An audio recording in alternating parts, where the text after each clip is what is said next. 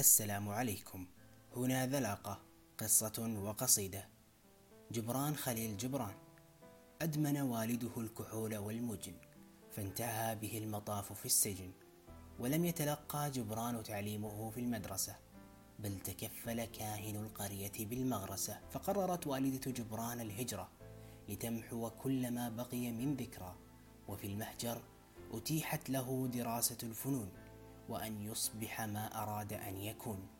فبدأ رساما ذو حس مرهف ويدي عاشق مترف وسرعان ما لفت الفتى الانتباه وبدأ رسمه يأخذ صداه حتى أن إحدى رسوماته استخدمت كغلاف لكتاب ما وهو في صباه. فخافت والدته أن تسرقه الثقافة الغربية فأرسلته إلى لبنان ليتعلم ثقافة شرقية.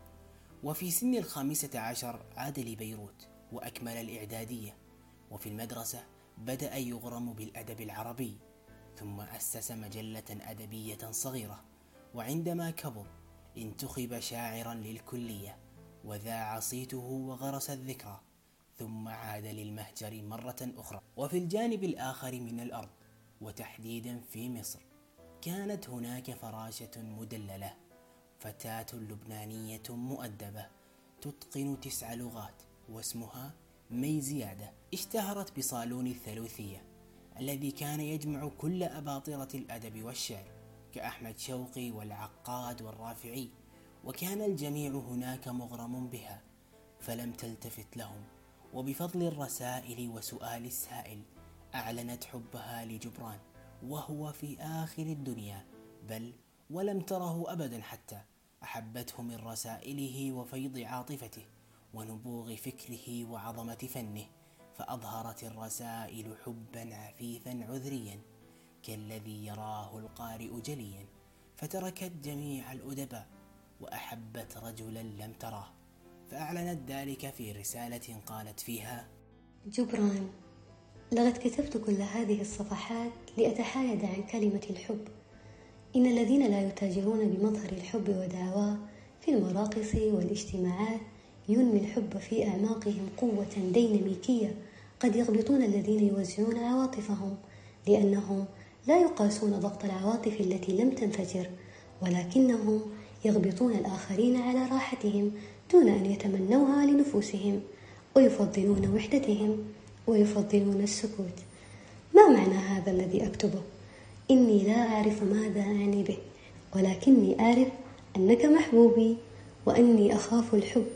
أقول هذا مع علمي أن القليل من الحب الكثير. فرد جبران عليها قائلا تقولين لي أنك تخافين الحب. لماذا تخافينه يا صغيرتي؟ أتخافين نور الشمس؟ أتخافين مد البحر؟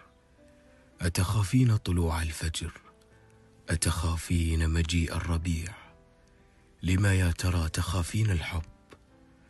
أنا أعلم أن القليل في الحب لا يرضيك. كما أعلم أن القليل في الحب لا يرضيني. أنت وأنا لا ولن نرضى بالقليل. نحن نريد الكثير. نحن نريد كل شيء. نحن نريد الكمال. وقد تبادلت مي زيادة وجبران خليل جبران رسائل كثيرة حملت في طياتها مواضيع مختلفة من الأدب والشعر والفن وغيرها وظل حبهما خالدا ولكن دون أن يكتب لهما الاجتماع واللقيا لتكتمل دائرة الحب وترقى مرتبة عليا.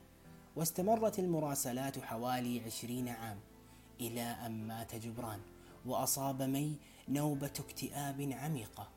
وعاشت صقيع الوحدة وبرودة هذا الفراغ الهائل الذي تركه لها جبران في الدنيا وحاولت أن تسكب أحزانها على أوراقها وبين كتبها فلم يشفها ذلك من آلام الفقد الرهيب فلم تتزوج رغم كثرة عشاقها والمقبلين على عناقها بل وأنها أدخلت مستشفى الأمراض العقلية بسبب آلامها النفسية القابعة في أعماق قلبها. وماتت على هذه الحال. وأغلقت قصة ما كان يجب أن تغلق بل وكان يجب أن تخلد. والآن عزيزي المستمع نعود لشاعرنا الجميل جبران ونسمع بعض أبياته الجميلة الخالدة. عجبا أتوحشني وأنت إزائي وضياء وجهك مالئي سودائي. لكنه الحق وإن أبت المنى. أنا تفرقنا لغير لقائي. يا صاحبي غدوت منذ نأيتما. أجد الحياة ثقيلة الأعباء.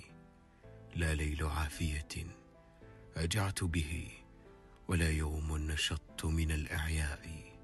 في مصر بل في الشرق منها لوعة سدت على السلوان كل فضاء أترى مويجات الأثير كأنها. حسرى بما تزجي من الأنباء.